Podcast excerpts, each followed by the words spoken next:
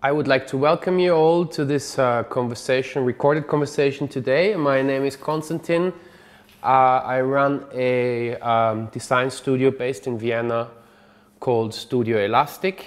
Um, and today I'm here with uh, my old friend and collaborator Wolfgang Fiel. Um, we've been basically invited by PDP to uh, record this uh, conversation uh, I've been very uh, lucky to be invited twice already to Novi Sad to speak at the conference, at the festival. Um, and obviously, due to um, current circumstances, uh, we basically uh, were asked if we could uh, record this conversation. Wolfgang is a, is, is a new addition to the, um, to the team of uh, speakers this year. Um, we are uh, we are basically old um, friends and collaborators, and Wolfgang is uh, running a design and architecture practice in Vienna called ICP, Institute of Cultural Policies. Um, and I would like to ask you, uh, what are you thinking of right now, Wolfgang? Yeah, I'm thinking of um, of our conversation actually, whether we managed to pull this off, you know, which is a kind of uh, first time occasion, like the way we're staging uh, we are staging it here. Also, actually, the place where we are located is uh, quite special, uh, I can say. Mm -hmm. It's of course not a matter of coincidence. We thought about the question where we're going to stage the whole conversation, and the fact that we are sitting here in front or in, behind the thing which is here in the back, which is a full dome basically, is uh, is of course no no no matter of uh, of coincidence. Of coincidence, because uh, first of all we both teach here, you know, yeah. which is um, the University of Applied Arts in Vienna. Uh, more precisely, this is the Department of Digital Arts, uh, in which the Full Dome Lab, which is the correct title, is located, which is, is exactly the place we are going to sit here now. And also, um, uh, I think it's actually quite nice to have a setting which indicates um, also partly as well, at least to my understanding, the fact that uh, we are both hands-on people. We like stuff, you know, we like uh, objects, we like uh, actually to work with real things. And that's something I think which uh, connects us since uh, ever since we met first, I would say. Absolutely. I still remember well the first time we met. I think it must have been about probably about 15 years, 12, 12 to 15 years. Do you remember the time we met? Yes, I think it was longer than 15 years, unfortunately, I can say. Was it? well, it was in London, that's for sure, you know, and it was, uh, we got introduced by a friend of mine uh, who happened to be uh, the brother of my then girlfriend, uh, with whom you lived together in, in London in a flat. Yes. And uh, we all studied actually basically in London, which was the sole purpose for being there. Um, although there was a bit of party thing going on as well at the time. Well, for me it was quite intense, really studying time, I have yeah. to say. But nevertheless, it was a, a beautiful time, uh, which we all enjoyed. And, and, it was our first kind of exposure, and I had a really warm and good feeling right away, actually. And although not knowing where, where the, where the further life will lead us, you know, after London, we then ended up meeting quite soon back in Vienna, actually. Uh, is that right? Yeah, that is right. Um, actually, we have been uh, also we, we, we, stayed in touch, and we also uh, have been working uh, together quite a lot. Uh, we've we're really strong collaborators ever since. Uh, I think it must have again talking about numbers, but it must have been probably around 15 to 20 projects we've worked on together. Mm. Um, in all different fields, but mostly uh, exhibition and, and art related stuff, but also uh, publications. We've done a few publications together. Um, so I would like to uh, introduce, introduce your practice a little bit. Um, the Institute of Cultural Policy basically deals with quite a few themes, or you're really bringing quite a few themes together. Mm. Uh, I've already uh, briefly talked about it. Um, the theme of design is a very important part, but also architecture. You are actually an architect. but also art exhibitions um, and, and, and quite a bit of academia. Mm. Um, can you tell us just uh, as a big theme for you, but can you just give us an overview of of these um, these fields merging and and and and what it is that you are actually um, doing with with your practice? Mm. In order to do that, I will have to unpack the various layers, you know, which built up over the last, say, 15 to 20 years. Mm. Because really, uh, the Institute of Cultural Policy is the sort of culmination of many things I have been doing previously. So it's kind of um, it, it's quite a young company as well. You know, it, it, it I founded the company together with my wife uh, some three, now almost four years ago, which is a fairly recent uh, sort of uh, event in that sense. But it really is the sort of culmination, as I said, of many layers that um, that, that I um, added up over the over the last 15 to 20 years. Starting with, of course, academia as, as the kind of background I'm coming from as a trained architect. Um, earning my first uh, sort of uh, uh, sort of um, back then shillings or euros, you know, in architectural studios, you know, like really traditional sort of good old orthodox architecture, building houses, stuff like that, you know. Mm-hmm. But then quickly moving into uh, into the realm of art, you know. Mm-hmm. Fine arts uh, back then with my uh, partner Alexandra Berlinger, mm-hmm. with whom I founded this this platform called Tatort.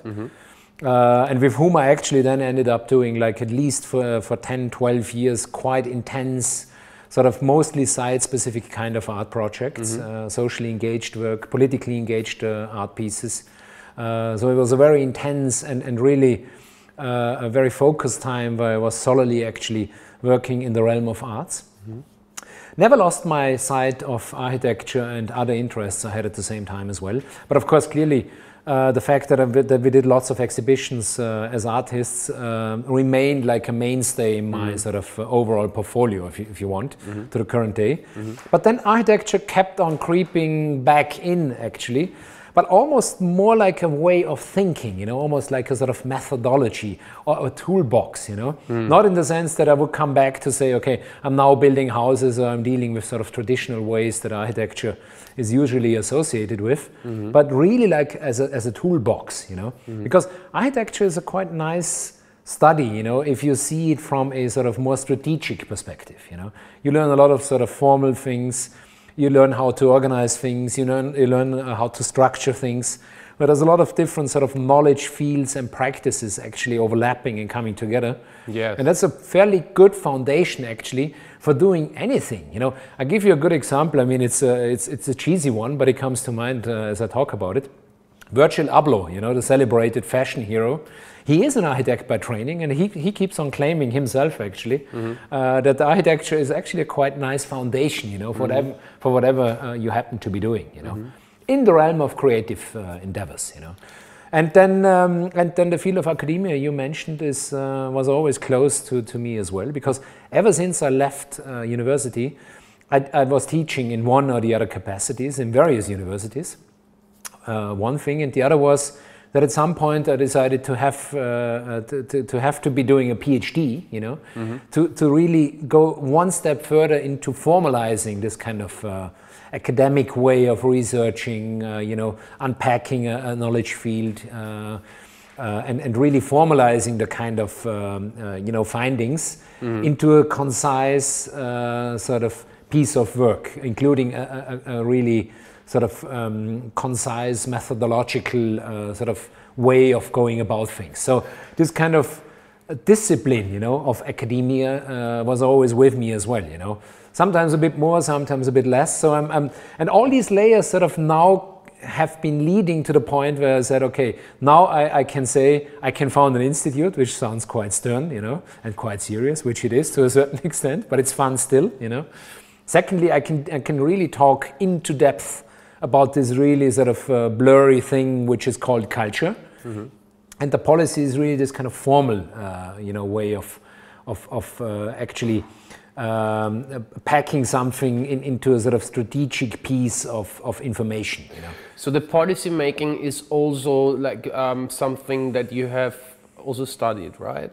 Exactly. So that was part of my PhD studies, you know, so uh, which was in the realm of political science, you know, mm-hmm. after all. That was the sort of main focus of my PhD, mm-hmm. which took seven years because it was at the site. It was a so-called part-time PhD, so mm-hmm. it, it, took a long time. In England as well. In England, it mm-hmm. was uh, in Plymouth at the University of Plymouth mm-hmm. where uh, there was one guy, um, he still actually does it. Uh, it's the so-called Planetary Collegium. Mm-hmm. So it's a quite funny name, but it, it, kind of tells a lot about the sort of idea of the founding uh, figure, uh, which mm-hmm. is Professor Roy Ascott, mm-hmm. who really founded this PhD with the idea that uh, anyone who would actually make up uh, the PhD um, based on a lot of different types of practices is allowed uh, to, to, study with him and, and is allowed to actually join the University of Plymouth for that sole purpose of actually mixing quite a bundle of quite diverse sort of backdrops into one concise piece of work. Mm-hmm. So in my case, it was really like the, the architectural component, the art component, uh, then of course this kind of uh, activistic, sort of political and socially engaged uh, element in my artwork, and and the sort of soul, sort of philosophy of, of, of politics, if you want. And that mix, so basically you're bringing a mix to the table, which is. Um you know, if you would look at it maybe uh, uninformed, it would look like fields that are not so much connected. But you somehow managed to uh, really connect them in a very beautiful way, almost in a way that it feels like they need to be connected. It's almost as if one could not function without the other. Well, from my point of view, that's certainly the case. You know, so I never actually, and I'm really proud to say this, and, and I thought about this like a million times over because things just seem to have fallen in place, mm-hmm. you know, look, looking back, you know. As but, if it was written already and it's just exactly. unfolding. But I, I was discovering them, you know, and it mm. was a quite long mm. and sometimes a quite uh, sort of uh, heavy a, a, journey, a heavy journey I had to take, you know.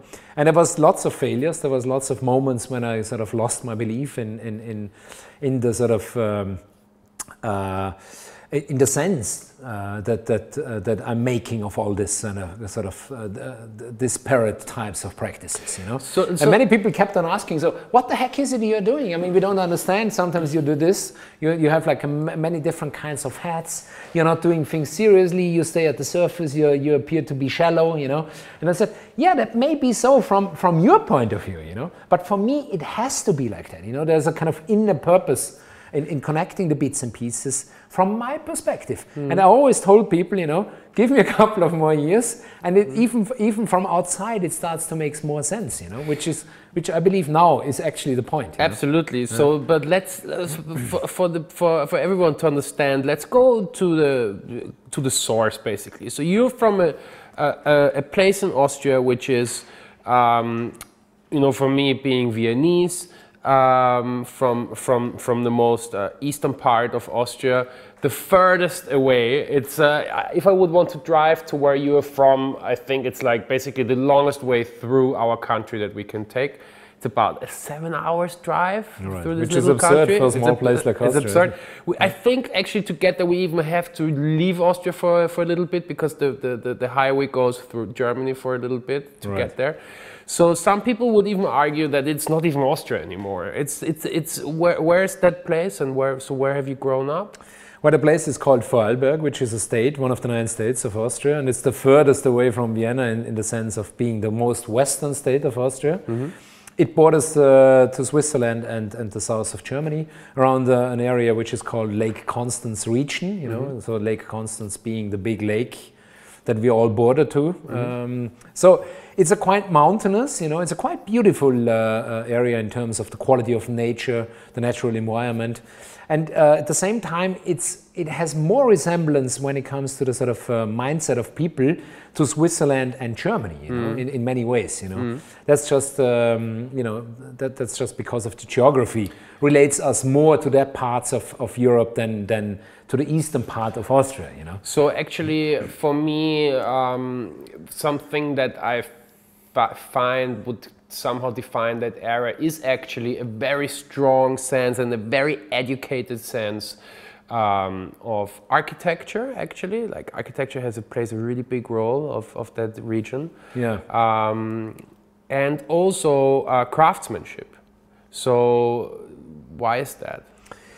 That's a very good question, and you're not the, obviously not the first one to ask that. And and um, I was trying to unpack that very question already myself, actually, uh, through various ways. Not not least uh, through a quite big uh, exhibition that I, I had the, the, pleasure to curate and, and to conceptualize. Probably come to talk about that a bit later. Mm-hmm. But I think most importantly is really the, the, the, element of the craftsmanship, you know. Mm. So since it is this kind of mountainous area and, and culture really didn't play a, a really huge role uh, for, for, quite a long time. So it was actually a rural place, you know, where farmers actually predominantly uh, set the, the, scene, you know, for what was going on.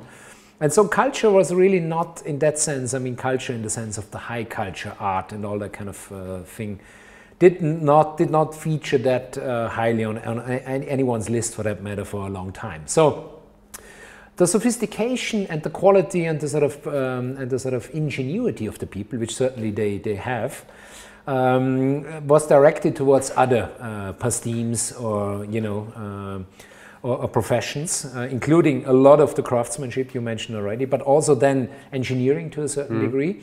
So it is a very industrialized area, mm. um, you know, compared tucked to, away exactly. between the mountains. Right? Exactly.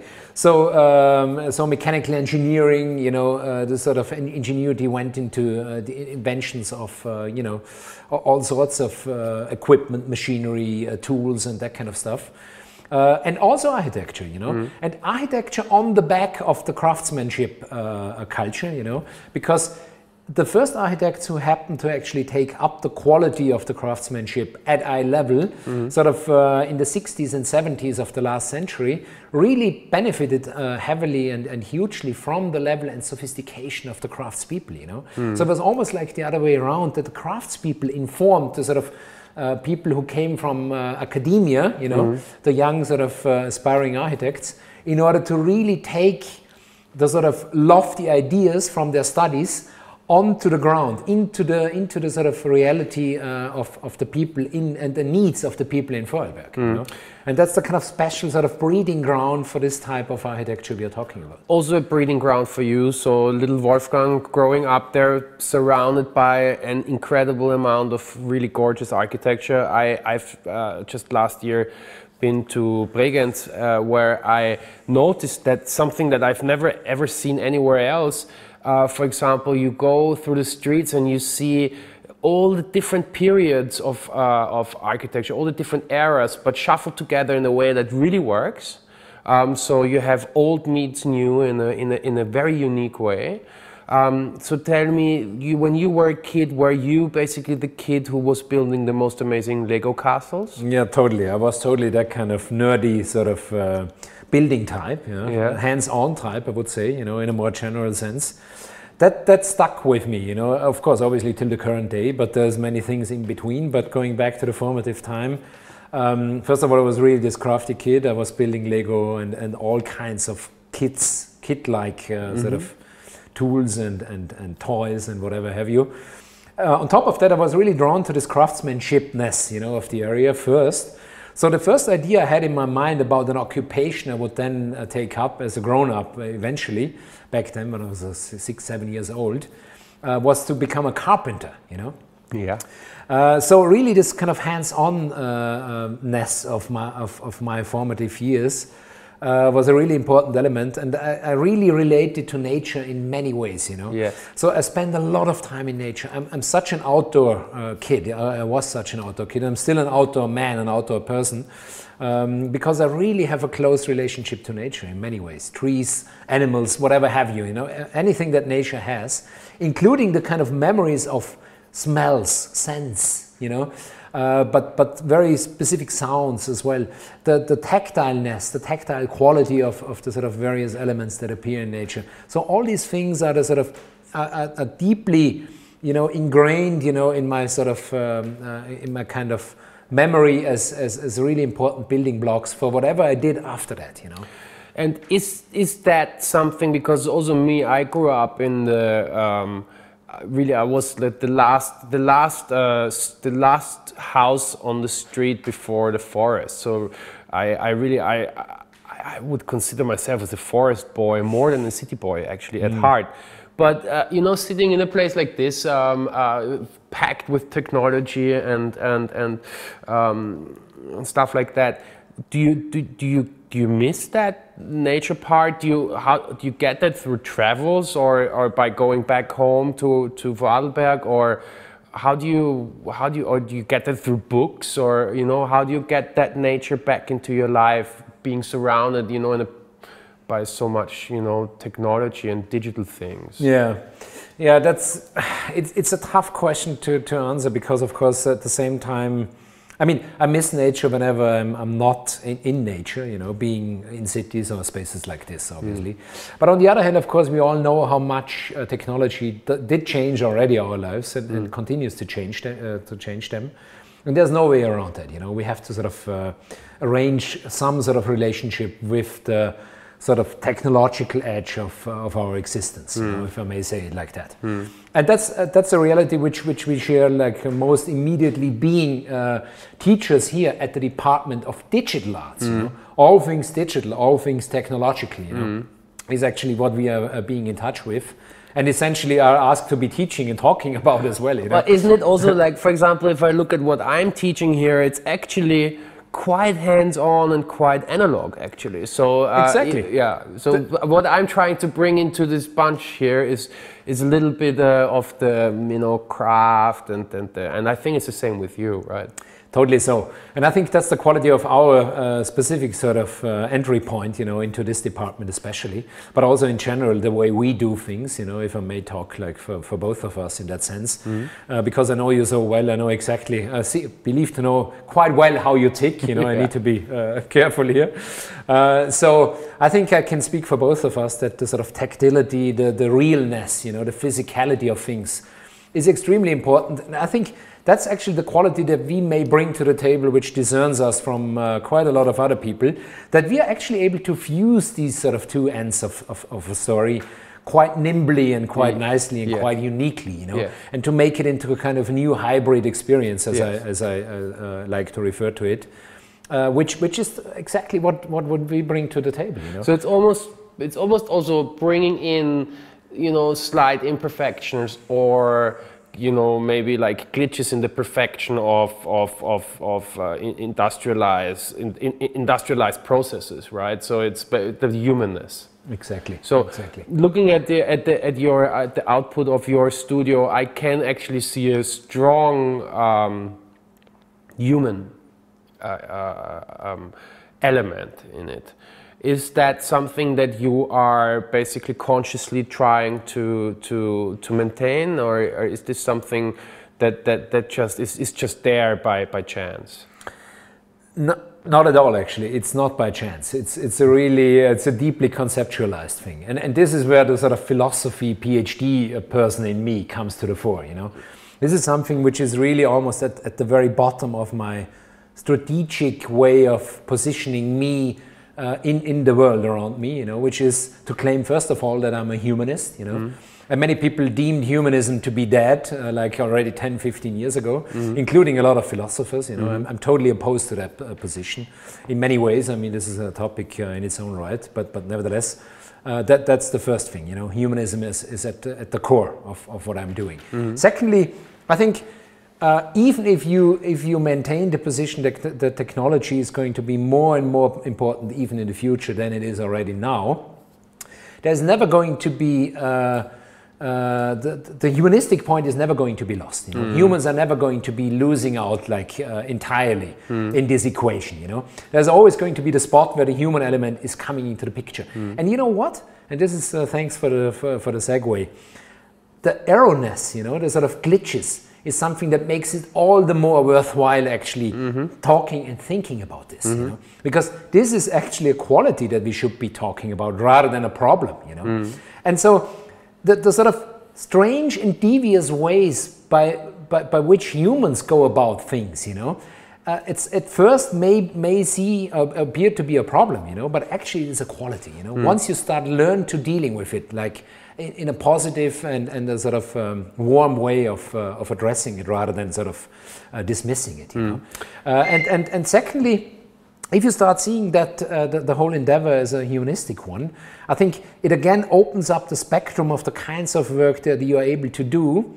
Also, from a point of view that even when you lack a certain piece of information or a certain sort of quality or experience, you always have the kind of bridge or the sort of um, uh, uh, the sort of segue of actually connecting to someone who gives you exactly what you are missing. Mm. So, like the idea of actually co-working, uh, co-collaborating, you know, cooperating, uh, building teams, working in teams, working uh, as, as collectives, you know, uh, working with like-minded colleagues, you know, mm. like like you are one, is actually something that is really at the core of my sort of working philosophy as well. I don't need to know everything myself, you know. Mm. I only need to know who knows, you know, and, and how to engage and to work with these kinds of of people. You mm. know? And I think we, we actually are a perfect example for, for, for that kind of absolutely you know. Um, looking at the things that we've done together, for example, there, you know, coming to that humanness, um, there's there's a really beautiful example, not what, what we have done, but something that describes that is um, to whoever uh, is listening uh, ha had the chance to visit Tate Modern in London, for example. There's something you have this incredible building, you know, huge and, and just like uh, mesmerizing. But then there's something that's really strange and beautiful at the same time, and that's the floor. So it's uh, basically you walk through the space and it's got this untreated wooden floor that basically ages um, by time because people walk over it, you know, and so it starts to, and it's like, and you wonder, like, how how was it possible that they did that? You know, like no, the, the, the person responsible, the architect responsible for that, was actually able to to get this approved. You know, something that is actually aging and and and and and and almost falling apart over time. Mm. And there is somehow um, some there's something very beautiful in that, and I I. I I personally, in my design practice, um, I tried to incorporate that as well somehow. Something that is not perfect, something that is maybe a little mistake, that's an mm. error that's not supposed to be there. And I think it's something that, that, that I'm looking for. That, that I'm looking for when I'm, I'm looking at other people's work somehow. That's the work that's somehow sticking with me, and and yours, your output definitely has that element. So I'm just remembering now um, you know, uh, uh, wooden structures that are somehow like combining fragility but also crudeness somehow um, you know combining two very uh, opposing um, features mm. so um, can you tell us you know what if, if if if if you would have to can you tell us maybe like the a handful of of, of the most essential um, uh, aspects that a piece of work that you want to output has to have? Mm. Well, that's really tough, uh, especially in a spontaneous way like this. You know, I, I try to sort of get a, get about it, you know, by, by sort of uh, deviating around the sort of uh, -huh. question.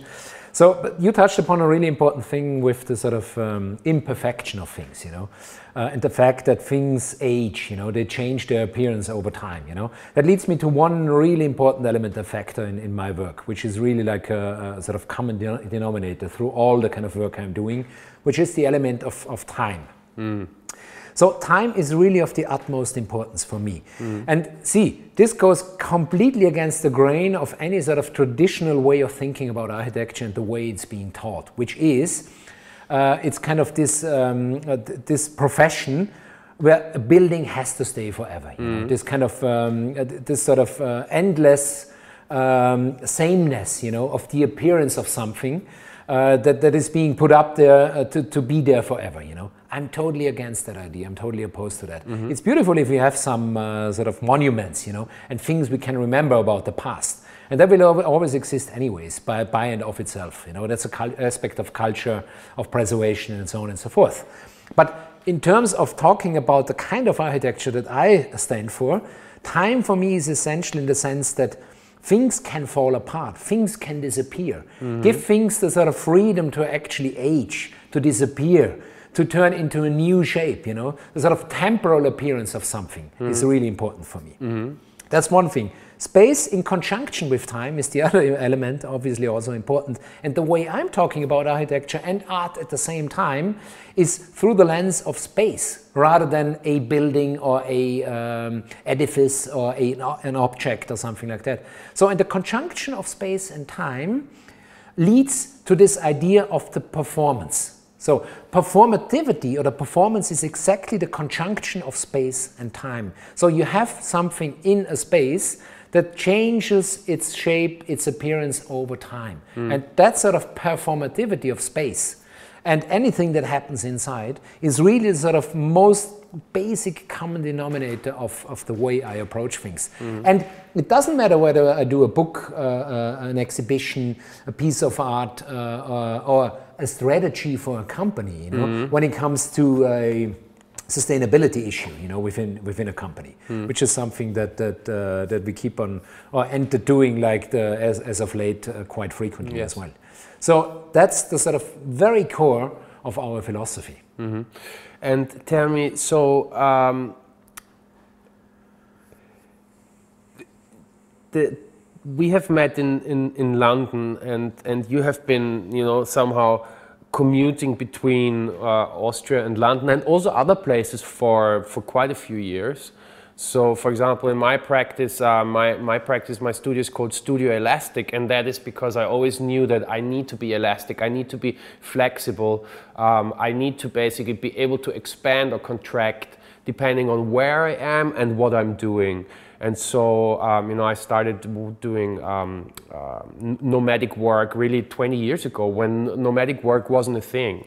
So for me, I didn't have like other people that, uh, that would inspire me, like how to do things, how to work uh, uh, remotely. I just did it, you know. I, I would drive around and, and hack with my laptop, you know. We called it, it is a weird word, but it was called war driving, where you would drive basically with your, with your laptop open and you would search for an open uh, Wi-Fi network which most of them were open and didn't have passwords, to be able to uh, get an internet connection to send stuff to, to clients. So that, that, that's, how my, that's how I always worked. Mm. Um, I think the travel aspect is, is, is a really essential one for you as well, correct? Totally, hugely yeah. important. I mean, I think that's that's the reason why uh, why our respective work uh, resonated like uh, you know uh, mutually uh, from the very beginning.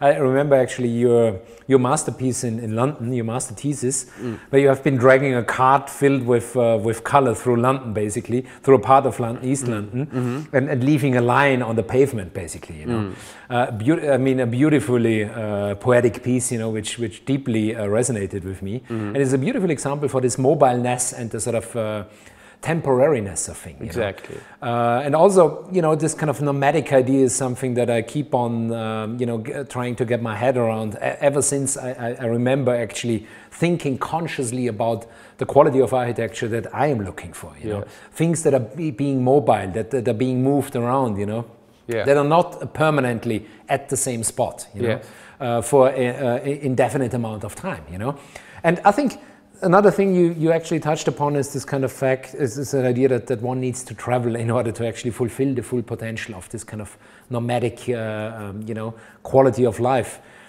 I mean it, it has got sort of a, a dirty sort of um, uh, undertone now with global warming and all that uh, flying around is, is being seen rather as a problem uh, and, and, certainly not the answer anymore.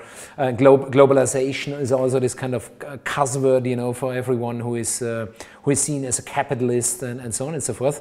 But you know, and, and many of those things are obviously true, you know, but at the same time, for me, globalization is something that is a spiritual and an intellectual process mm. rather than anything else that is mm. being usually associated with it, you know. So for me, I need the influence of the planet at large, you know. Anything that I can soak up is, is, is the basis for the kind of work I'm doing, you know. Mm. So I'm immensely curious and to restrain my curiosity to one singular spot on this planet mm. would feel almost like uh, uh, you know losing out on on, on, on all the others, on all the others, yeah. on the entire culture that is out there, you know, on uh, the entire richness of the planet, uh, you know. So I have I have my huge uh, problems now. Obviously, and I know you you do as well with the current situation, being grounded, you know uh, not being able to travel, meeting friends, collaborating with other people, soaking up things that are really uh, tremendously interesting. And I find them usually in other places, you know.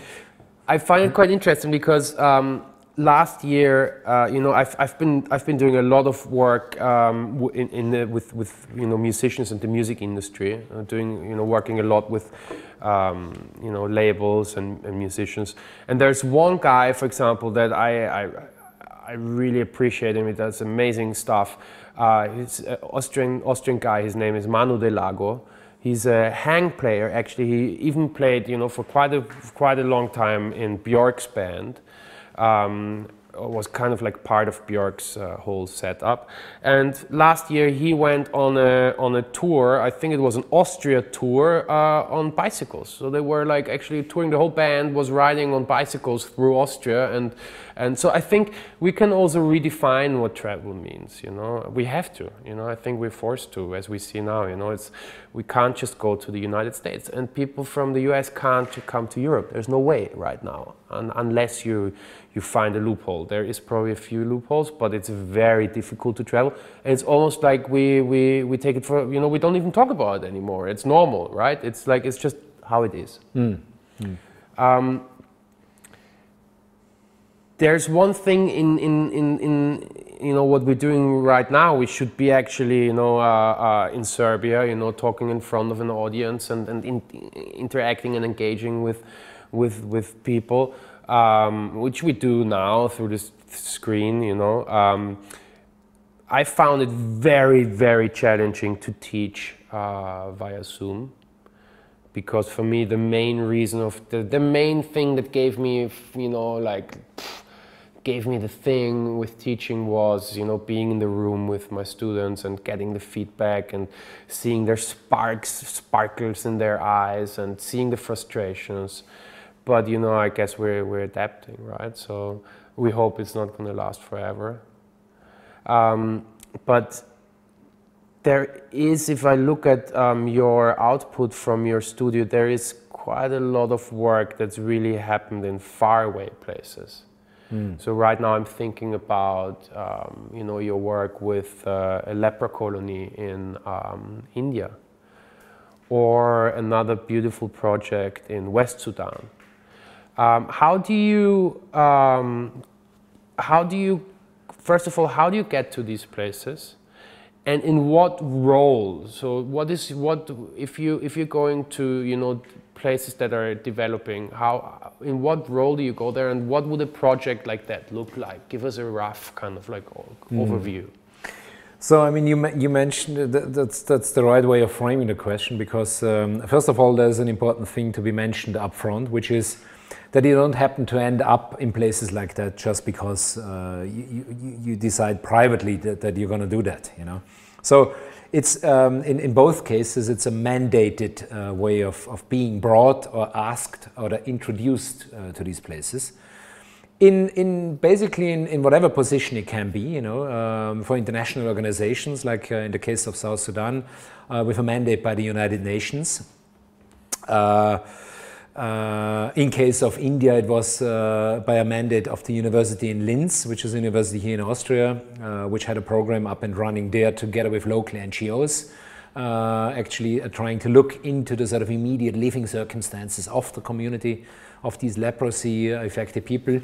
Uh, in, in, that, in that very case of India, I was really actually um, um, I was commissioned to be the project manager of a group of students who continued to go there in order to build together with the local community, with the local people, um, various projects uh, like uh, buildings. You know, one was a school, uh, an extension to the existing school. Then we did a nursery, we did a, a community center, we did uh, two projects in the realm of housing, improving the immediate housing conditions. So that was really hands-on together with the students from Austria uh, coming in and out like uh, frequently in, in, a sort of three month uh, sort of um, uh, interval. And then we had the local people working with us together at the same time. You know, is it, on, on is it dangerous to work with uh, people in the leper community?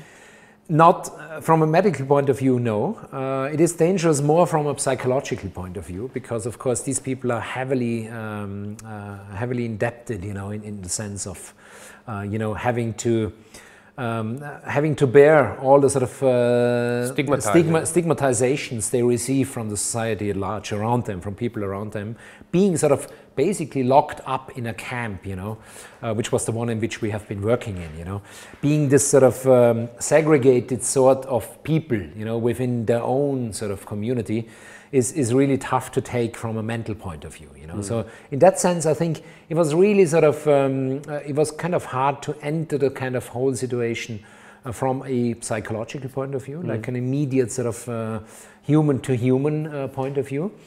Uh, so that was the biggest uh, hurdle in, in, in that case. In the case of South Sudan, it was an, another hurdle, which was the fact that South Sudan currently still is in a, in a, in a, uh, in a war, in a civil war uh, sort of situation, which is the reason why only United Nations mandated people are allowed internationally actually to enter the place. So I could not fly to West Sudan No, no. right now. For example, you need really like the permit from the United Nations or any kind of international organization operating on the ground, for that matter. And, and of course, there's a lot of security issues and, and, and real threat, threats uh, to, to one's uh, own security and, and health, uh, for that matter. So, uh, in that case, it's really like a physical problem more than it is a, a, a social or a psychological ones. Although, of course, that comes to the, to the, to the equation as well, obviously. Uh, having to deal with people which are under the uh, sort of effect of a, of a civil war, which is uh, raging almost since the inception of the Republic of South Sudan, which was in 2012, which now is sort of roughly eight years, uh, takes it, its toll on, on, the, on the mental uh, situation of the people there as well, obviously. So it's in all in both cases, it's very complicated, and, and you really need your time to tune in to understand what's going on, to really sort of get at eye level, you know, in, in, in, in, in, in, in a lot of ways with the people uh, you're having to deal with, and you're tr- trying to help with and trying to work together with at the, at the end of the day. You know? So this this this um, this humanness that you're working with, especially in these in these cases, um, how does that differ from the humanness, for example, of dealing with a, a big, um, you know, consulting a big corp- co- corporation in Austria, for example, or somewhere else? So basically, you're not just doing, you know, uh, work with developing uh, uh, communities, but also with, you know, big uh, established uh, corporations. Uh, do can you can you can you can you find things that are that are connecting these very different uh, uh, fields, or is it two totally separate uh, things you're I, doing? I think it's both to a certain extent, but for me, um, the, the sort of overlappings outweighed the sort of differences, you know, because in the end of the day, we are talking about human um, beings, you know, with, with whom we communicate, with, with whom we interact, with whom we are actually uh, getting the work done at the end of the day.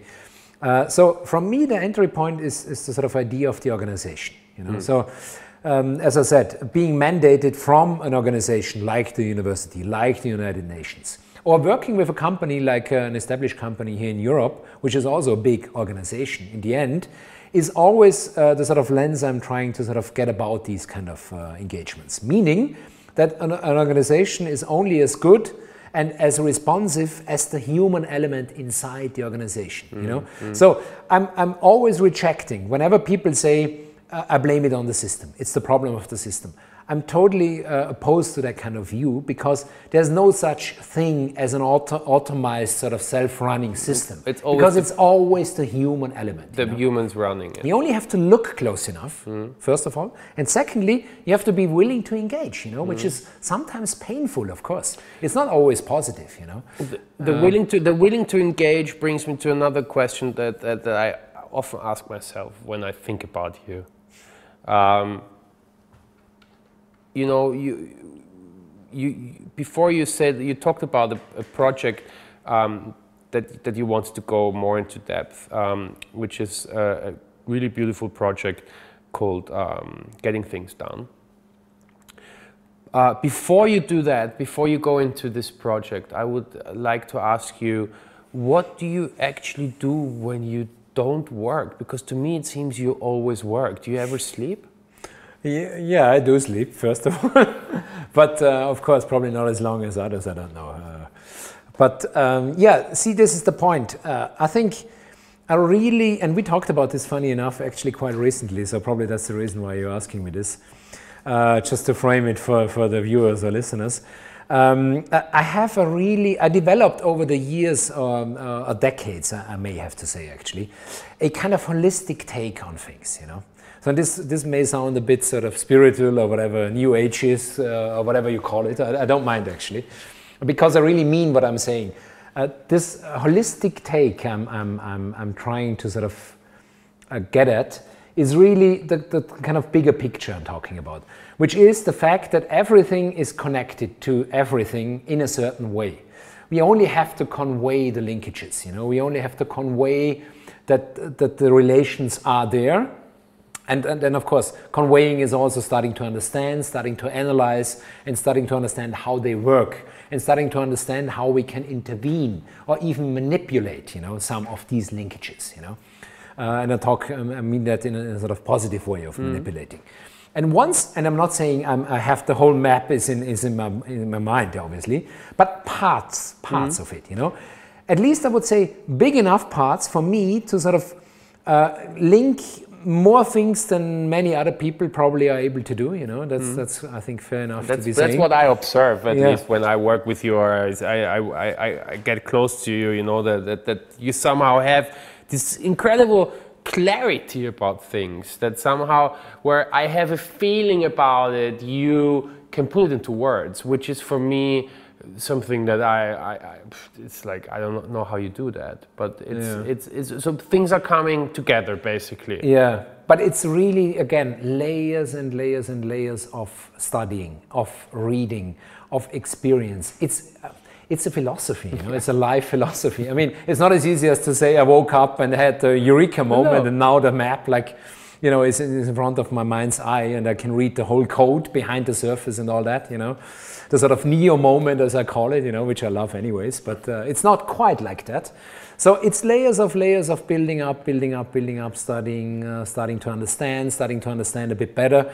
And of course, by the way, reading books is not a bad thing, even even today. Reading you know, books. with all the technology, handheld devices, uh, blogs, uh, uh, social media uh, things, and so on and so forth. It's still a good thing, and, and I recommend it dearly to but to my students as well to, to reading books. You know, absolutely. But basically, the bigger thing than reading books, really, like the the the the, the, the real the really big thing about is getting things done. Yeah, correct? exactly.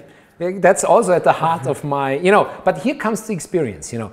So, and, and, and don't get me wrong, uh, uh, that no one is, is getting me wrong is really important to emphasize this. Reading is only part of the story, if, if, if at best 50%. The other part is getting my hands on stuff, getting my hands dirty, you know, sticking my boots into the ground, you know, being really that hands-on experienced person, you know, is mm. really important. And that overlapping is probably the most fertile, you know, uh, and, and, and most sort of promising ground upon which new ideas really can sort of uh, come to life. Mm. And that's exactly the kind of ground where I usually get my best ideas, you mm. know, to say, okay, getting things done means that you need a strong conceptual foundation, obviously, mm. but at the same time, you need to know how you're getting it done, you know? Mm. So you need to have the tools of the trade in order to convey the idea and to convey the message, to uh, bring it in a space in a case of an exhibition. Mm. So that exhibition, getting things done, is an exhibition that you kind of conceived also. You've uh, you've you've exactly. developed. You've uh, you've um, basically taken with you around the world. Uh, tell us a little bit about it. Time is running out, but just so we get an overview. It's an exhibition that uh, was going on for five, almost six years. Uh, it was uh, shown in, uh, I think, almost 35 uh, locations all over the planet. Mm -hmm. It was organized and run by the Austrian Foreign Ministry. Mm -hmm. And the idea of the exhibition was really to study and, um, and, and uh, exhibit the sort of uh, recent history of architecture and craftsmanship in Vorarlberg. Okay. Exactly what we talked about before. Mm -hmm. And if I talk about, and if I say recent history, we talk about the last 50, 60 years, which is the post-war period, basically up until now, you know and which is this incredible period where this kind of craftsmanship ness and, and, and, and also the, the, type of architecture that you have been talking about came about in the state of Vorarlberg. Yeah. So the exhibition tries to sort of convey the story, also the kind of emergence of the phenomena, as I, as I keep on calling it, and, and by, with various means. But the sort of central element of the exhibition is again the human element, which mm. is the conversation, to be more precise. Exactly what we are doing here. Mm -hmm. So my idea was to say, I can only, because we are not talking about a written sort of uh, history, which is easily accessible on the level of text, books, uh, internet, whatever have you as a means. Mm. But you need to con- we need to unearth the knowledge, you know. Mm. And the, the only way of doing that is to actually talk to the actors, So the talk to the people, Mm-hmm. yeah, to, to, to, to the protagonists of the movement as such, you know. Mm-hmm. And that was clear from the beginning. So I thought about a kind of methodology. How can I do this? Private conversations, uh, I take notes, whatever. And then eventually I said, well, if I happen to go to all these people, and we talk about 60 plus people, you know, it's an ongoing project, by the way, still, because it was quite successful. I said, let's do it in the way of a formal interview. Let's frame it like a formal interview so many people can participate in the same experience, like me being the one sitting together with these people. And the interviews are still on, on the internet, you know. Are Everyone can look English at them. or German? There's an English uh, short version of sort of five, abbreviated version of five to eight minutes, you know, and the long version is unfortunately only in, in German. But it's over 60 hours of recorded and edited conversation. So it's oral history, you know, and see, but told by the very people who actually did it, you know. So I'm only the sort of mediating element. I'm only there actually to bring it about. I'm the kind of in between guy, if you want. you know. And sorry, that was actually an exhibition, a touring exhibition, Yeah, right? So exactly. the, going to places like, what's the wildest place that you, you, you found yourself in? I mean, there's many, but but one that kind of stuck was Halifax because it was. I mean, everyone probably knows Halifax. I, I knew it on, on, on you know with the finger on, on the map. Basically, it's this kind of uh, Canadian outpost. Sorry for the people in Halifax. It's it's really fantastic. Uh, but it was super cold. It was like the cliche sort of image of Ca- Canada. Uh, but it was a fantastic experience because I had no idea actually how people would react to this kind of content in a place like uh, Halifax. But I had the most beautiful workshop with a group of students from the local university. Uh, and it was a beautiful relationship uh, in the sense that they they resonated with the stuff on some level, you know, whatever it was. You know, for me, that was a good experience as well to see actually how many layers you actually have in order to resonate with the stuff. Once you convey the sort of um, DNA of the whole thing, you know. So the idea of the exhibition was not to present a slick surface, but to but the whole mechanism, you know, the, the DNA, as I call it, of this development, of this movement. And if you see the whole plan, you know, open, laid out in front of you, you are able to relate to the building blocks, you know. So, and this is the kind of vehicle uh, idea of an exhibition that I love so dearly to, to actually restrain our sort of um, inclination as designers to make it beautiful, to make it glossy. That's good. That Make comes on top real, any, but right? make it real, make it accessible. You know, that's really most important for me. So people in Halifax now can relate to architecture from Vorarlberg. to a certain extent, I believe, yeah, Yeah. which is quite amazing. So uh, where can people find more uh, about your work? Well, there's online sources, obviously. You know, I mean, there's two websites. Um, one is the Tatort website, which is really my artistic work. Uh, it's it's T A T. I think it's going to be seen then. We are uh, gonna link actually, yeah, everything exactly. below. So that's one thing, which is my artistic work, uh, and the other one is uh, is my work now under the name of uh, ICP, Institute for Cultural Policy, which has also its website. Um, it's it's not entirely up to date. Sorry for that, but it gives you a fairly good overview of. You're a busy man, so you're more Exactly. busy. Yes, some- something has to suffer, Exactly. you know. So tell us, ICP, um, so institute. So actually, the Institute of Cultural Policy is an institute. Yeah, it is. And what I find quite fascinating is that the name Institute of Cultural Policy somehow already dis, uh, uh, incorporates your fields of interest. So basically, the institute is like an architectural kind of creation. It's like the architecture, not just of, of a building, but the architecture of an institute to, to make it stand as an institute. Then the culture is the, the human kind of like the, the, the art and the humanness coming together. And the policy is the policy making, which you're so interested in. The kind of like looking behind the, the curtain of how things work, right? Exactly, exactly. The policy is really this kind of institution building element that I've uh, that I really worked upon for the last 20 years really heavily, and which is basically at the core of my PhD as well. The idea that uh, um, to make a human experience a bit more valuable and, and, and also sort of durable in the sense of a social contract, which is really the, the sort of foundation of, of the very fact that we live in a kind of uh, ordered way and, and human way together, uh, is, is really dependent on, on a certain degree of structural integrity, you know, which is really this institutionalized uh, sort of quality of things, you know. So and, and this lies in everything, you know, starting from the university up until to a corporation with, with whom we, we work with now in, in on the level of uh, environmental policies and stuff like that. So uh, it's always the same sort of set of basic uh, things, you know, that, that um, that you need to be looking uh, into, you know, when you start working with organizations, coming back to that idea. And the Institute really has another element as well, which is really this idea of formalizing things on a research or academic level. Exactly. Yeah? So that we really do sort of uh, serious work, uh, not to say that there's no fun, quite on the contrary, but serious in the sense of formalizing things to be compared with other things uh, other people are doing and have done previously uh, to go public, you know, to really be uh, someone who is exposed publicly with a set of ideas and policies in the sense of uh, putting something to be debated, you know, which is really important as well. So we declare things to, to be uh, of our opinion, of our making, you know, I think to, to be public in that sense and to be uh, able to be facing criticism, you know, mm. and to engaging in serious and, and constructive uh, discussions is also a quality I'm, I'm, I'm really looking, yes. uh, looking, holding close to my heart as well. It's also something that I feel you're doing a lot, and you're probably also doing with your students. Exactly, uh, but of course, and, and, and, that on that level, I think we share a lot of, uh, mm. of commonalities. I mean, you talked already about this kind of uh, immediacy with working students mm. in the classroom and so on and so Being forth. the spark, kind of, exactly. you know, like giving them like enthusiasm to exactly. start their own thing, really. Exactly, you know? and this, see, this is my core message. You know, I mean teaching is uh, that's an, a whole other uh, conversation you know and, and i'm thinking about teaching uh, heavily as well in, in, in many uh, because i must you know if you mm. happen to be a teacher you have to think about it mm. you don't just take a textbook stand in front of a, of a mm. group of people and, and, tell them what what they are supposed to know you know mm.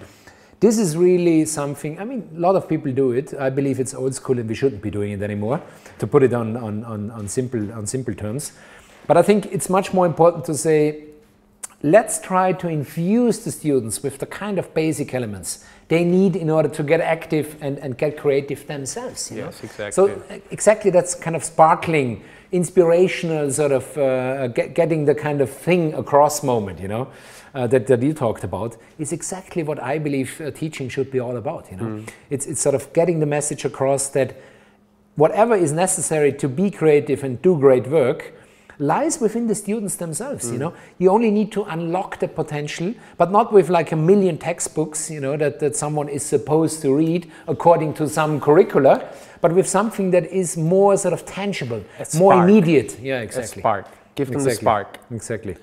Um, time is running out. It's really great talking to you as always. We could continue forever. We, we will, will, anyways. We will. um, we will also. Um, we have a project in the pipeline um, with and in Serbia, which I'm really looking forward to. Yeah, me too. Um, so we will maybe you know meet some of you guys uh, uh at some point. You know. I'm um, sure.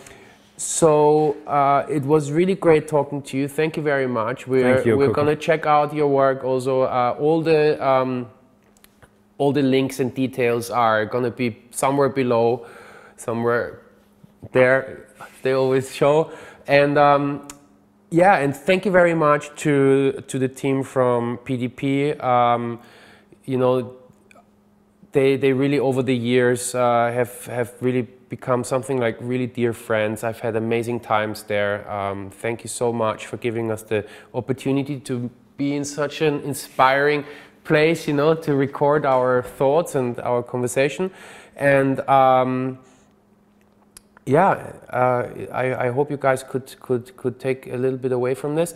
Thank you so much also to our uh, man behind the camera, Luca Sabot, a really dear friend, collaborator and student of both of ours, great artist. Uh, he was uh, helping us today with even more technology, but I think everything worked fine, hopefully. And yeah, thanks a lot, guys. And and we're, we're going to come to Novi Sad anytime. We're gonna soon. gonna come anyway because I'm. I, it's really got a big place in my heart.